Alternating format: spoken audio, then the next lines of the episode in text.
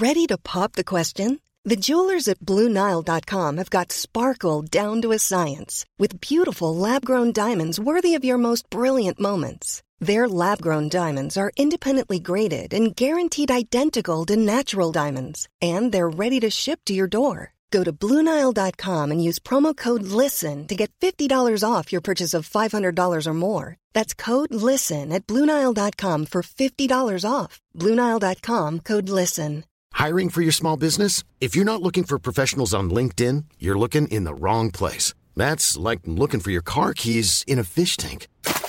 LinkedIn helps you hire professionals you can't find anywhere else, even those who aren't actively searching for a new job but might be open to the perfect role. In a given month, over 70% of LinkedIn users don't even visit other leading job sites. So start looking in the right place. With LinkedIn, you can hire professionals like a professional. Post your free job on linkedin.com slash people today. Hey, it's Ryan Reynolds, and I'm here with Keith, co-star of my upcoming film, If, only in theaters May 17th. Do you want to tell people the big news?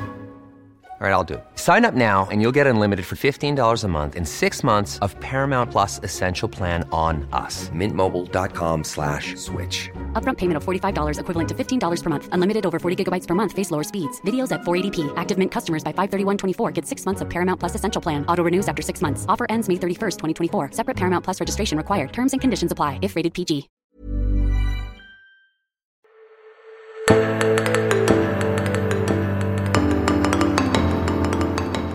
Da, Tore Alberg Sævik, er vi tilbake på kontoret i Bergen etter ferien. Ja, det kjennes jo bra. Det kjennes bra. Sol skinner i dag, og Akkurat som det skal være når ferien er over. Akkurat, ja. Hva tror du hadde vært, Skulle vi hatt sånn at man egentlig kunne ta ferie sånn en dag om her og der, i hvert fall på Vestlandet, når det er Altså regn i juli er ganske vanlig. Det er jo det, men eh, Nei, det tror vi har en god ordning som det. Ja, Det er kanskje vanskelig å få til sånn Ja, jeg tror det blir eh, vanskelig, altså. Ja, ja, jeg får si det sånn. Det er nok om det. I dag har vi med oss en spesielt spennende gjest. Eh, vanligvis bor Solveig Leithaug i Amerika, men i dag, eh, Solveig, er du eh, i Norge. Det stemmer. What brings you here? Du, jeg er faktisk i reisekarantene på Nordmøre på ei hytte nede med fjorden og koser meg. Og eh, jeg kom til landet for å gjøre en covid-regulert konsertturné, rett og slett. Akkurat. Det er jo, altså Mange mennesker har jo fått hverdagen endret, og arbeidshverdagen endret det siste halve året. Men det er jo ikke noe tvil om at kulturindustrien er blant de som er spesielt hardt uh, rammet. Og særlig nå når ingen kjøper CD-er lenger, så er det jo uh, konserter som er enda viktigere, vel, som inntektsgrunnlag.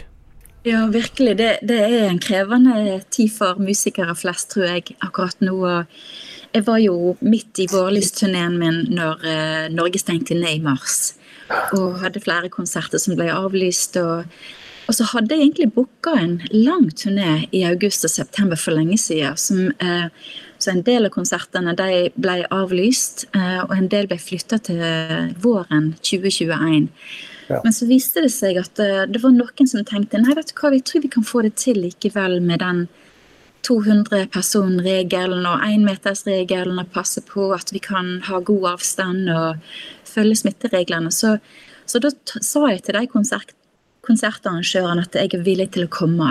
Og så jeg hadde jeg litt kontakt med andre som hadde vært interessert eh, i å finne på noe ja, lage og gjøre i stand musikalske kvelder til nærmiljø eller en menighet eller en organisasjon. Så, så nå er det faktisk blitt eh, ganske mange stopp på denne reviderte turneen min.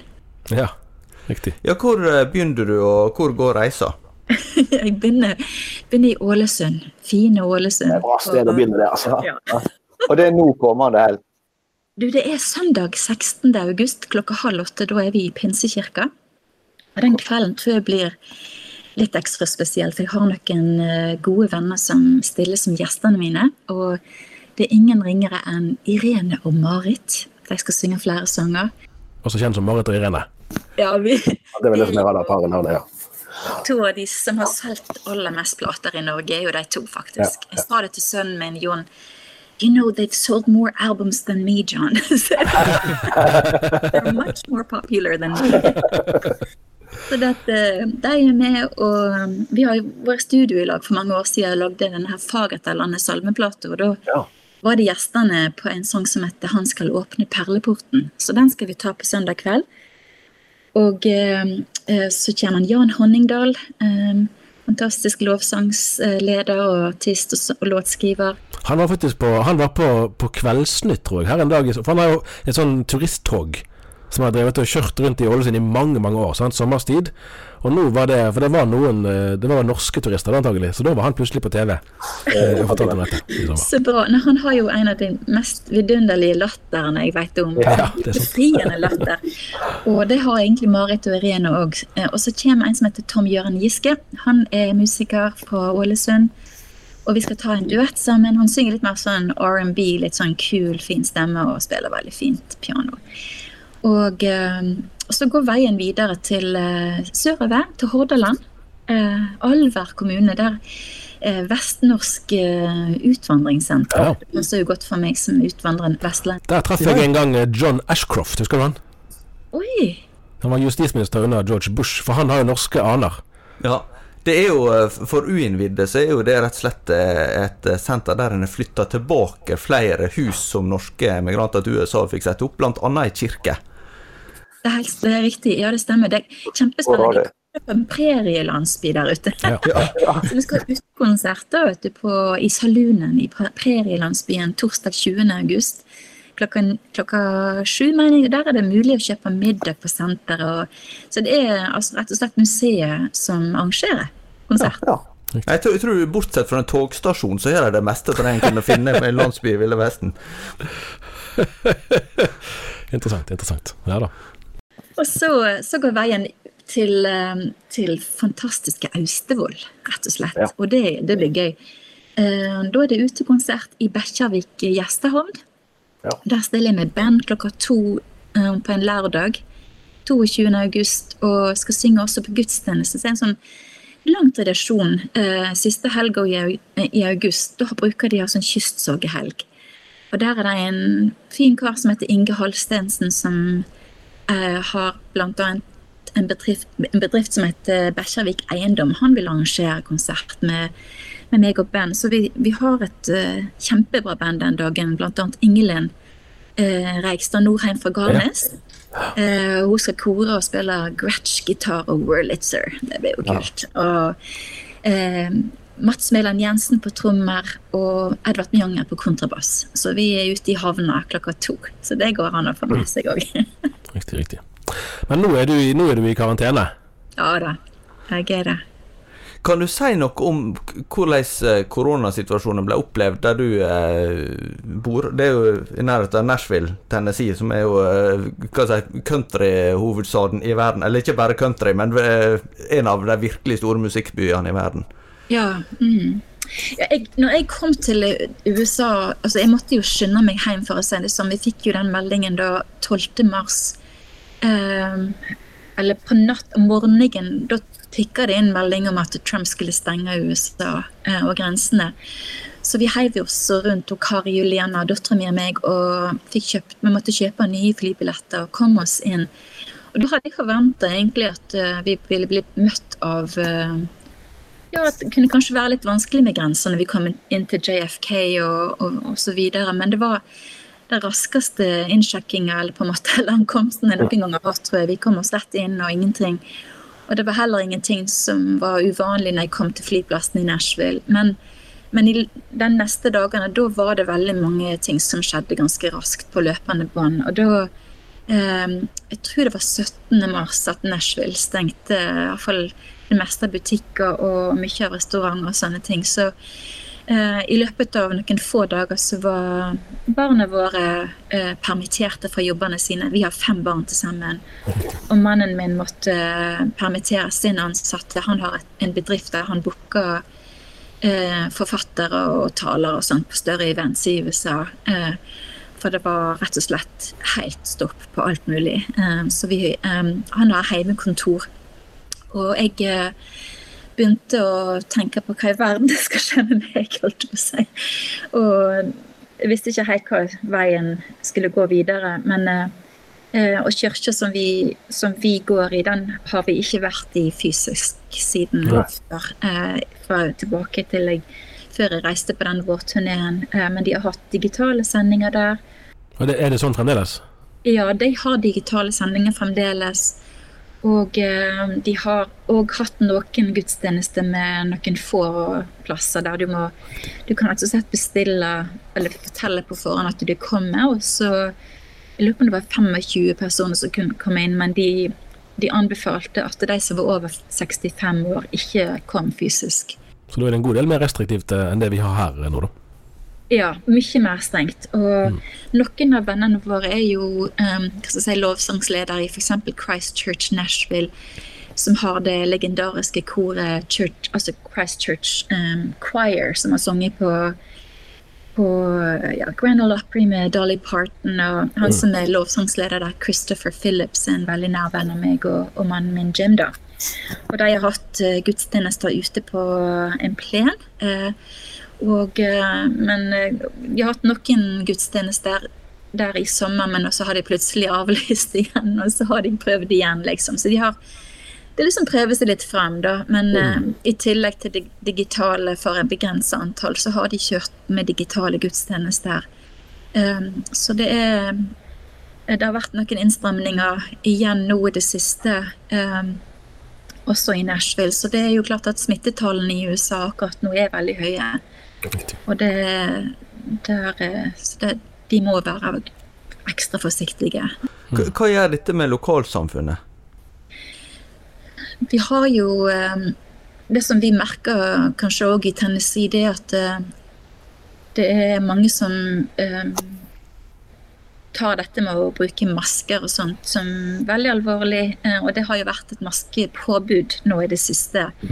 Der du kan ikke gå inn på butikker uten å ha det på deg da hvis ikke du har en ja, egentlig et slags eh, Hva skal jeg si legeerklæring, nesten nærmest, egentlig. Eh, eh, så det er Vi prøver, men det er jo en del som har eh, Hva skal jeg si ikke tatt det så veldig på alvor, da. Og kjører på en måte litt sånn, hva skal jeg si Um, Nei, de tenker at det er en hoax, og de tenker at det er oppdikta, da, og at det er politiske stunt. Eh, så det er klart at det skaper en litt utrygg eh, stemning, egentlig. Eh, og der jeg vil si at myndighetene har streva voldsomt med å kunne samle folket og å gi Og det, det og, du merker på en måte òg at Jeg vil si at det, det ligger jo en sorg i folket, i det amerikanske folket, vil jeg si, som ikke på en måte har fått en naturlig plass. Eh, Det er mange som sørger fordi de har mista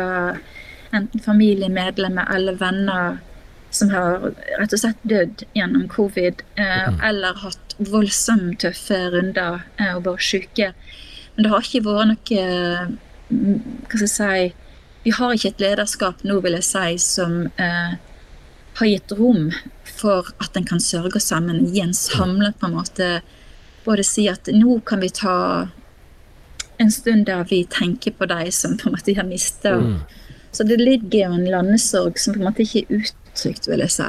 Eh, men samtidig så finner du jo veldig mange mennesker som er Hva skal jeg si Det er jo, en, det er jo Jeg vil ikke si at håpet er ute, men det, det er nok mye frustrasjon, vil jeg si, i folket nå. På NLA-høgskolen gir vi deg utdanning med mening. Og samfunnet trenger både sannhetssøkende journalister, kloke pedagoger, etisk bevisste økonomer og musikere som berører. Sjekk ut NLA-høyskolens studietilbud på nla.no, eller besøk et av våre studiesteder i Bergen, Kristiansand eller Oslo. Du, eh, tidligere i år så leste jeg ferdig eh, år i Vårt Land-journalist eh, Olav Solvang sin Han har en stor bok som heter 'Rytmer rett i hjertet', der han oppsummerer eh, i grove trekk eh, karrierene til veldig mange eh, kristne artister, eller artister som på ulike måter har hatt en kristen profil, i ulike sjangre. Eh, fabelaktig bokverk, et oppslagsverk for alle som er interessert i, i den eh, grenen av det musikalske treet. Eh, og Der står det litt eh, om deg òg. Du har jo vært artist lenge. Var det i 86 den første platen din kom? Ja, ett år tidligere. 85. 85, så da er det 35 år siden. Ja, det stemmer.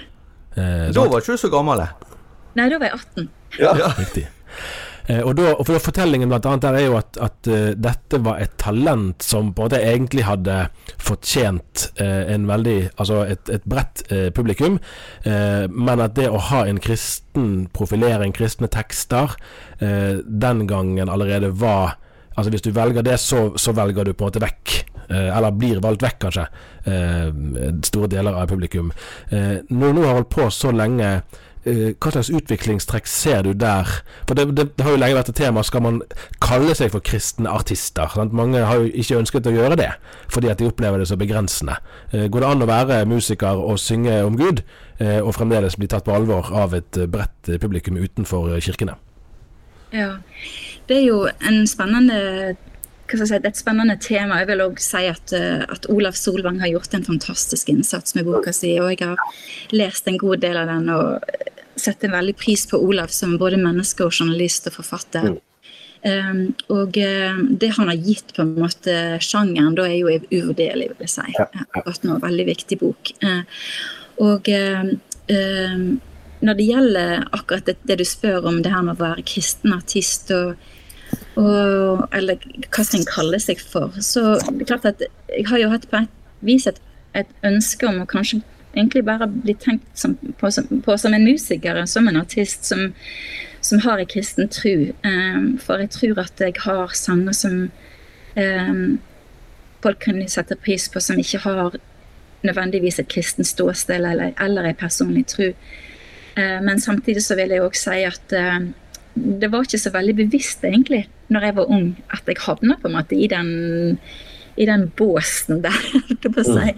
Mm. Men, men jeg på en måte ramla oppi det mer eller mindre ubevisst eller bevisst. Jeg hadde jo en oppvokst i et bedehusmiljø på Frekkhaug med en pappa som når jeg var barn, var veldig, veldig streng. Eh, og det å f.eks. det med trommer og dans, det var det var en periode der han mente at det var synd. Og derfor ble det veldig sånn alvorlig, egentlig. Mm. Bare det å, å ha f.eks. låter som hadde et visst driv i, i trommene, på en måte. Var nesten sånn åh, jeg, Tenk kanskje at noen syntes at det her er synd. Og jeg gikk jo mm. på Gimlekollen eh, eh, som radiojournaliststudent eh, ja. i et år. Og opplevde jo sjøl komme inn i platearkivet på Gimlekollen og finne min egen plate, 'Askepott', mm. som var hadde ganske mange sånne røde prikker. Det vil si at det var litt for voldsomt å spille på radioen. Så mine egne sanger var ikke egentlig lov heller på Lyner eller på, på kristen radio. Da. Så så alvorlig var det. Så jeg var en viss eh, rebell da, inne òg som kristen artist, fordi jeg hadde snakket om ting f.eks. som å og kjeder meg veldig på møter. Jeg hadde en sang som heter, eh, heter 'Hørselsproblem'. Der jeg synger om at jeg syntes det var så vanskelig å følge med på møtet, for at å, jeg syntes det var så kjedelig.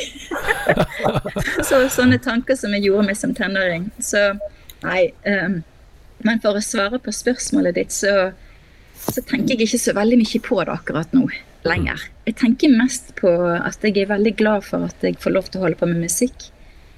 Og jeg prøver på en måte å hva skal jeg si eh, Gi folk som kommer på konsertene mine en god musikalsk opplevelse der de òg kan få noe. og eh, De vil jo få noen sanger eh, som handler om trua mi. Selv f.eks. på Vestnorsk eh, utvandringssenter kommer til å ta noen sanger som har eh, et innhold som er forankra i den kristne trua, og, og i Bekkjarvik. Men på den utekonserten der. Men, men jeg har jo òg veldig mange sanger som gjenspeiler livet og om kjærlighet og om om håp og, og mer medmenneskelige tema som, som jeg, jeg elsker å spille sjøl. Så, så det blir jo en god blanding, da. Jeg var ikke noe svart svarte greit nå. Jo, ja, det er fint. Jeg, jeg vokste opp eh, ikke minst med å høre på Petra. Lurer på om ikke de òg holdt til i Nashville for øvrig, med Bob Hartman og disse her i, i sin tid.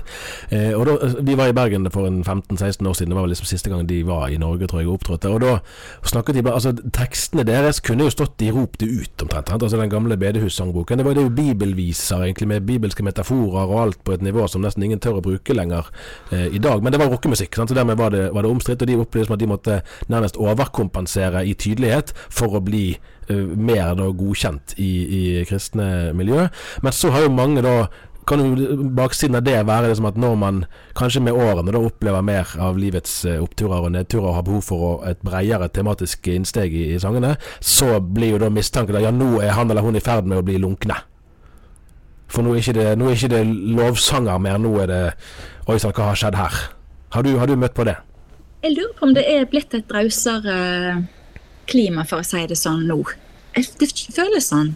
Eh, Og jeg, jeg var jo redd for altså Spesielt det der med å bli på en måte fordømt, eller, eller, eller på en måte få den der, det stempelet at, at du ikke på en måte no, lenger hadde noe å gi. Spesielt når jeg gikk gjennom skilsmissen min, altså for er det tolv år siden nå at jeg ble skilt. Og det, det er klart at å være en kristen sanger, og da skulle være skilt, og så gifte meg på nytt igjen. Og det der var tenkte nå, nå ryker alt, tenkte jeg. Eller jeg var redd for at det kom til å skje, da.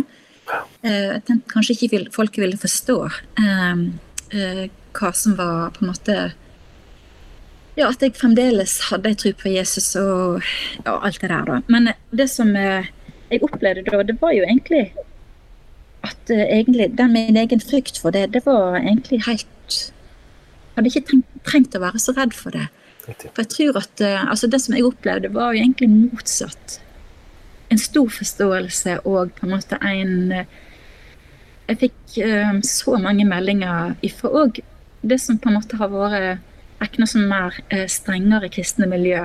Om at uh, de har bedt for meg, og de var glad i meg og gledde seg til å høre meg igjen på konserter. Og det var ikke avlysning av konserter, det var heller det motsatte. Riktig. Og det var det samme i Norge og i USA? Ja, jeg vil si at det har vært det samme. Og når det gjelder Peter, er det litt morsomt. Jeg har um, Jeg fikk gleden av å jobbe sammen med John Laurie, som er Ja, som var keyboardist i Petra. Nå er vi på et godt spor her. Nå er dere utenfor mitt kompetanseområde. Så han produserte faktisk plater plate for meg. Ja, Ja, det er jo det.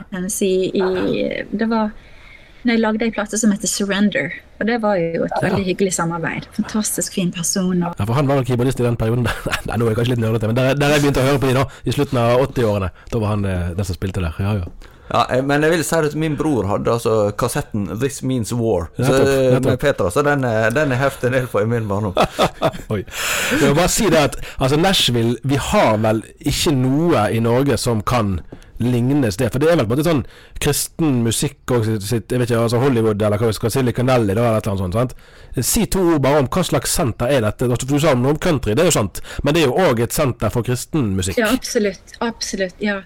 Nei, det er jo Altså, hva skal jeg si For meg som vokste opp med den musikken og hørte f.eks. på Amy Grant mye da jeg um, så Det er klart at den, de opplevelsene som jeg har fått som musiker i USA, var jo veldig kjære for meg, vil jeg si. For at det var jo de, mange av de som jeg har hørt på, på jenterommet på Frekkhaug, det har jeg jobba med og stått på scenen med nå. og eh, Nå bor vi i Nolensville, som ligger like ved eh, Altså det er historisk, eh, en historisk bykjerne fra 1797, og det er masse musikere som også bor i det området. Men spesielt de ni årene som jeg bodde i Franklin, Tennessee, vil jeg si, det var spesielt. For da har vi jo kunne gå på matvarebutikken, så plutselig så står Stephen Curtis Chapman og ser etter uh, havregryn sant?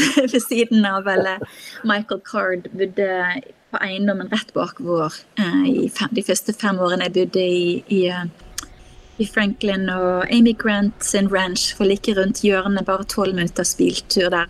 Sønnen min har vært barn, altså leder på barneleirer der ute på ranchen til Amy. og kjenner henne godt, og dattera hennes er bar altså omgangsvenner med, med barna til Amy og til Stephen Curtis Chapman. Og, og masse fine folk som bor i området der, som har uh, uh, ja, veldig, veldig godt og raust miljø, vil jeg si. Veldig, mange, mange vennlige, fine folk. Ja. Nettopp, nettopp. Når du har en sånn hub, så, så er jo altså det som er sjargongen og premissene i det miljøet, får jo mye betydning for mange andre. Hva vil du si kjennetegner, hvis det går an å karakterisere det generelt? Altså Er dette et, måte, et konservativt miljø, liberalt miljø, innovativt, eh, forsiktig? Hva slags kristendom er det liksom, som, som dominerer, da, for å si det sånn? Jeg vil si at det er ganske stort mangfold, faktisk. Ja, og innenfor min og vår vennekrets så har vi jo venner fra det som vil tenkes som kanskje det aller mest konserve, helt fra til det, til, til det som er det mest, kanskje aller ytterst liberale.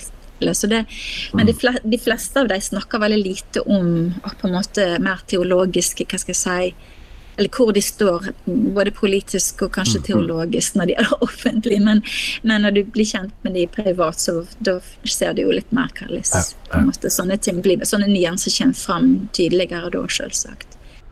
Men, men hvordan opplever du da måte sitt, eh, miljøet der sammenlignet med det, det publikummet du møter i Norge, med, med ja, eh, hva, hva tema folk er opptatt av, og hvordan livet ser ut? Ja, nå er det jo, Vi har ikke sett så mange av de pga.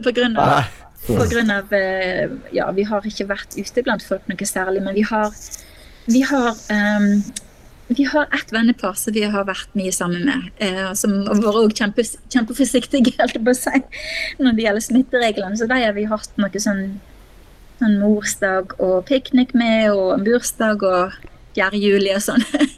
Sånne spesielle dager da, eh, der vi samles, eller bare møtes og går på en lang tur og sånn. Og de, de jo, han, han er jo en, stor en som var en stor plateartist på, på 80-tallet, Steve, Steve Taylor, kone som er kunstner. Ja. Eh, og han jobber jo på et universitet i, i Nashville nå som leder for filmdepartement, eller ja, filmavdelingen på, det, på det colleget der, eller universitetet. da. Og det er klart, når vi er sammen med dem, så snakker vi veldig mye politikk. og da blir det at en, eh, ja, vi snakker om alt som opptar oss. Um, og det, det er godt å kunne òg på en måte ha noen både å bryne seg på, og det å på en måte men, men jeg si, når det gjelder miljøet sånn generelt, så vil jeg kanskje noe av det som jeg har opplevd eh, eh, som har vært veldig fint og positivt, da, det er jo eh, f.eks. en del av de eh, musikerne som er innenfor bluegrass-miljøet. Og eh, eh, hva skal jeg si, mer sånn live-musikermiljøet. Som er f.eks. med Buddy Green og Jeff Taylor. Eh, Buddy han som skrev f.eks. melodien til julesangen 'Mary Did You Know'. Ja. Spiller munnspill og vært mye med, med Gaither. Så han har jo jeg spilt en del med live. eh, og Jeff Taylor er kjent bl.a. som musiker for um, ja, hva skal jeg si, Elvis Costello, Diana Crawl um, og masse store internasjonale stjerner. Eh, eh, og begge de er jo fantastisk fine kristne brødre. da. Og det er klart at samtalen går jo på en måte innom, innom alt mulig når vi er sammen. Eh, men, men ofte òg om Jesus, egentlig. Og det å, å kunne eh, Så jeg føler at alltid når jeg har vært sammen med deg, så føler jeg meg veldig løfta. Altså, mm. altså det, det er veldig fint eh, Fint, eh, mange fine folk i området. Akkurat. Du har jo eh, beveget deg innenfor forskjellige musikalske sjangre. Eh, og det- har jo litt kanskje også sammenheng med, med muligheten for å utbrodere ulike temaer. Eh, en av de trådene i boken til Solvang, og som òg er en ganske sånn lett observerbar trend i, i musikk, kristen musikk her i landet i den tiden du har vært artist, det er jo at det som blir kalt for lovsang, har blitt mer og mer dominerende. Eh, både på, altså på platemarkedet på den tiden der man kjøpte plater, men òg for så vidt i repertoaret i, i, både på bedehus og i frikirker, og til dels i Den norske kirke òg. Eh, og du har jo òg beveget deg litt innenfor den sjangeren. Jeg lurer på hvordan du eh, forstår dens fremvekst. At f.eks. en artist som Michael W. Smith, sant, som en av de største popartistene, òg begynte å, å, å synge lovsanger. Eh, Og hvordan du sjøl For den flere, f.eks. her hjemme, Rudi Mintvik og Lars Slagsen, Per Søtorp, flere har jo Ja, den, den sjangeren blir for smal for dem. Ja. Hvordan du opplever den utviklingen der òg for din egen del som artist. Ja, altså Som låtskriver så har jeg gitt meg sjøl frihet til å skrive om det som opptar meg. og Av og til så har det blitt eh, lovsanger. Eh, av og til så har det blitt til bønnesanger. Og av og til så blir det sanger som jeg skriver som jeg, om ting som opptar meg, som kan være helt andre ting. Jeg tror at jeg opplever kanskje at noen noe av den debatten som jeg har lest eh, i både Vårt Land og Dagen og i andre forum, eh, men også i USA, at den, den tankegangen eh, med at eh, Altså det her med at altså, Hele på en måte eh, tematikken i en del av de artiklene jeg har lest, oppleves òg som trang, for å si det sånn. Det, det er litt sånn enten-eller, føler jeg, at eh, noen snakker om at eh, ja, eller jeg skal ikke, Det er ikke så viktig også å nevne eksempel, men det som jeg opplever, det er at vi trenger begge deler.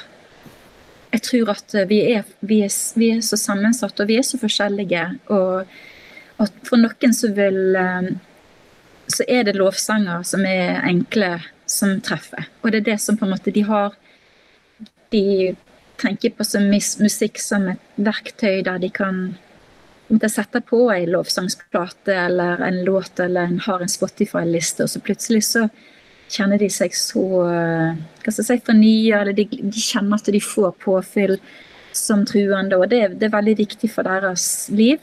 Eh, i, men, men, samtidig så har du eh, de som på en måte har avskrevet tradisjonen, f.eks. si med Lina Sandells salme, eller, eller, mange av de, de, fantastiske perlene som er i salmeboka. Jeg syns det er litt trist, for det er så mye fint der. Eh, og jeg føler jo at eh, jeg syns at det er skrevet òg mye bra som er nytt, som fortjener plass. Både i, altså i bedehusrepertoar og i kirkerepertoar. Det, som, det er kanskje en av de tingene som jeg setter veldig pris på i den kirken som vi går i i Nashville. Der er det faktisk plass til alt sammen. Eh, men det er ikke sånn vi har, vi har jo ikke halvtimens lovsangsstunder. Det har vi lite av, men vi har lovsanger som blir sunget på en måte i sin helhet, der du òg kan på en måte ta den tida den tar, for å si det sånn. Der det ikke skal skynde seg gjennom en sang. Men, eh, men der er det også salme med orgel og um, altså stort og flerfoldig uttrykk, da, musikalsk uttrykk. Og det, det er jeg en avhengig av sjøl. Og det legger jeg opp til i konsertene mine, at jeg prøver å legge fram eller jeg har lagt vekt på å skrive um, sanger med ulikt uttrykk. og synes også Det var veldig kjekt for når David André Østby han var i Nashville i fjor i forbindelse med at han var der for å skrive nye lovsanger, spesielt for Integrity, som er et stort eh, ja, plateselskap og publisher i USA, eh, som har gitt ut veldig masse bra lovsangsmusikk. Eh, og David André er en låtskriver og et menneske som jeg setter veldig stor pris på. Han har gitt veldig masse fine sanger til det norske folket også.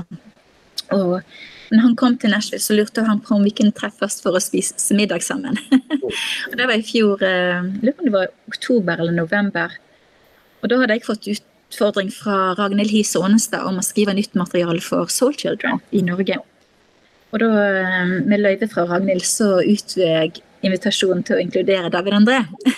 så vi endte opp med å, etter vi spiste middag hjemme, og det var Jim som lagde deil, et deilig måltid for oss hjemme i huset vårt, så sendte vi opp med å skrive flere sanger sammen som eh, vi har allerede gitt ut, faktisk. Ja. Eh, og, eh, så jeg var i Norge i forbindelse med Norsk Komponistforening, NOPA, hadde en samling på Tjøme i januar. og da hadde jeg noen ekstra dager i Norge da jeg var innom studio i, utenfor Oslo der, og David André og jeg spilte inn f.eks. 'Kom til hans kors', eh, som ble gitt ut på plate som heter One, eh, med Soul Children. Den kom ut 37, eh, jeg holdt på å si 37. mars, men det går ikke så langt. 27. må jeg holde. 27. mars eh, i vår, midt under pandemien, kom til hans kors. Og det var så herlig å kunne gi ut eh, både den og en ny sang som heter 'Gå i fred', som jeg skrev med David André. Mm. Han gir styrke for dager som dette. Det skrev vi i oktober eller i fjor, eller i fjor høst. Det kjentes ut som det var passa godt som en hilsen til, til de som ville lytte nå, da. Og så har vi òg skrevet en ny eh, festivallåt som skal spilles inn. og Der også Levi Bergrud er med på den eh, låten. Og. Så jeg har òg eh, en del nye sanger, helt nye sanger på, på gang. Jeg har en, blant annet en sang som jeg har jobba med nå i sommer. Eh, som eh, er nesten helt ferdig nå. Og den, eh, hvis jeg kan få lov til å fortelle om den, så er jo den en litt spesiell historie som jeg tror kanskje en del i Norge vil sette pris på. Men den, den går helt tilbake til tidlig på 80-tallet, og det var Melody Green, enka ja. Keith Green, som, okay. som, er en god venn av meg. Eh, vi var, vi var naboer i en tid tidlig på 90-tallet da jeg bodde i Texas. Eh, mm. Og Melody kom til Tennessee for fire år siden. Og da ville hun gjerne treffes. Og så spurte jeg Melody hva hadde lyst til å gjøre nå. Nei, jeg har lyst til å skrive sammen med deg, Solveig, sa hun. Og hun skrev jo også en del av de sangene som Keith gjorde kjent eh, på sine plater. Ja. Um, og uh, da hadde hun altså et refreng uh, som hun fikk, syns hun da, når hun var i bil, og det var skikkelig regnvær. Og det var bare noen få måneder etter at eh, Keith og de to minste barna, da, eller de to små barna omkom i flyulykken. Ja, for det var, Eh, han var jo en veldig kjent egentlig, artist. Eh, Ja, kjempestor. 82 han døde. Ja, det kan stemme. Han var 26-27 år eller noe sånt. Ja, 28, tror jeg. Ja. Ja, noe sånt. Ja, og, så dette her er noen få måneder etterpå. Um, og, og hun var i en bil, en leiebil på vei fra LAX Airport i Los Angeles til et styremøte for den stiftelsen som hun da drev videre uten Keith etter han døde. Og så fikk hun et refreng. Og skrev det ned og måtte stoppe bilen og huska hva det var hele, hele og, og det endte opp med å være et, være et refreng som hun da brukte, som ble sunget på en slags verdensturné som de hadde til minne, en sånn memorial tour etter Keith. Eh, De var i Canada en hel måned der de var på forskjellige plasser. Der ble den sangen sunget hver kveld. Og hun henta altså da fram det der refrenget når vi var sammen i Tennessee for noen få år siden. Og da skrev vi det som ble da en slags vers, som, som ble um, en utvidelse. Hun hadde aldri gitt den ut. Hun hadde laga en demo på, den, på det refrenget for mange år siden med rett og slett ingen ringere enn Koinonia. Bill Maxwell og Hadley Hawkins Smith og Harlan Rogers og uh, hvem var det flere? En til. Som da hadde laga demo på låten.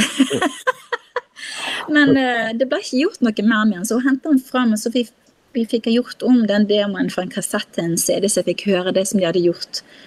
Og så var, fikk jeg to, tatt den i studio, så nå er vi nesten ferdig, faktisk. Vi fikk lagt fiolin og Det ligger en uh, nydelig ny Altså, det, jeg spilte en ny kontrabass, jeg gjorde nye gitaropptak og uh, Så den er rett og slett uh, til miksing nå. Så skal den ut nå om ikke så lenge. Den heter The Eyes of the Lord. The eyes of the Lord move to and fro over the earth, that he might find the one whose heart is completely his, that he might fully support him. Så det er jo rett og slett sitat fra Bibelen, da. And he's watching over me, he will provide for me. He is my treasure, I'm never alone. Um, og så går jeg da videre, da. Med at, eh, ja. Så den, den kan jeg jo kanskje sende til dere etter hvert, når vi får, Ja, ja. får uh, gitt den ut, da. Dette var veldig kjekt, tror jeg. Det var det absolutt. Hva er et spørsmål til slutt. Du, du er jo drevet med musikk så lenge at noen kan begynne å lure på Blir ikke du lei av og til? Men det virker ikke sånn. altså Musikkgleden er nok ganske på, på, på topp, eller den er stor fremdeles. Og jeg kjenner på en stor og en dyp eh, takknemlighet for eh, muligheten til å fortsette gjøre rett og slett denne jobben. da. Det er blitt en jobb, og nå er det 35 år siden Askepott kom ut, og jeg syns det er ganske utrolig at jeg har eh, at folk vil kjøpe billetter og komme og høre på det. Jeg syns, det er veldig kjekt. Jeg ser ikke smått på det, for eksempel. Så, eller for, for, å si det sånn.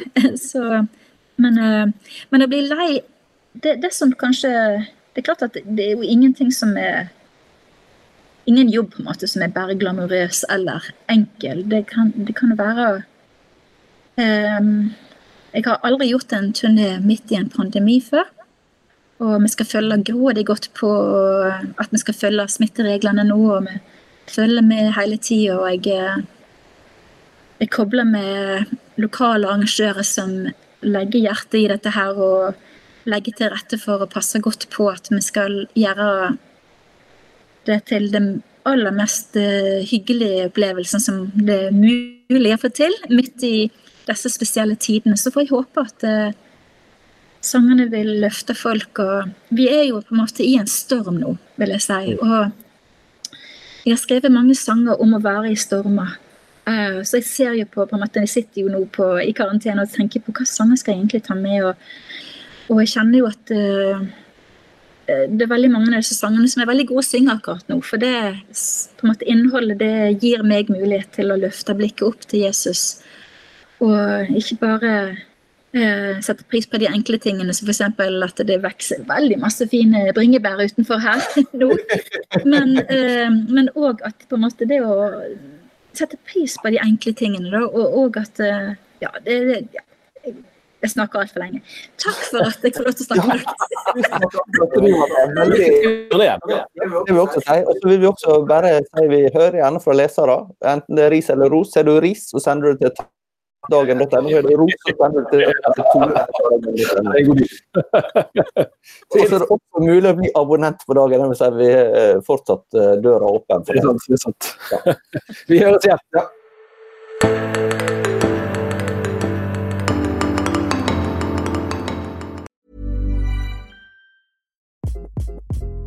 Hi, this is Craig Robinson from Ways to Win, and support for this podcast comes from Invesco QQQ, the official ETF of the NCAA. The future isn't scary. Not realizing its potential, however, could be. Just like on the recruiting trail, I've seen potential come in many forms as a coach. Learn more at Invesco.com slash QQQ. Let's rethink possibility. Invesco Distributors, Inc.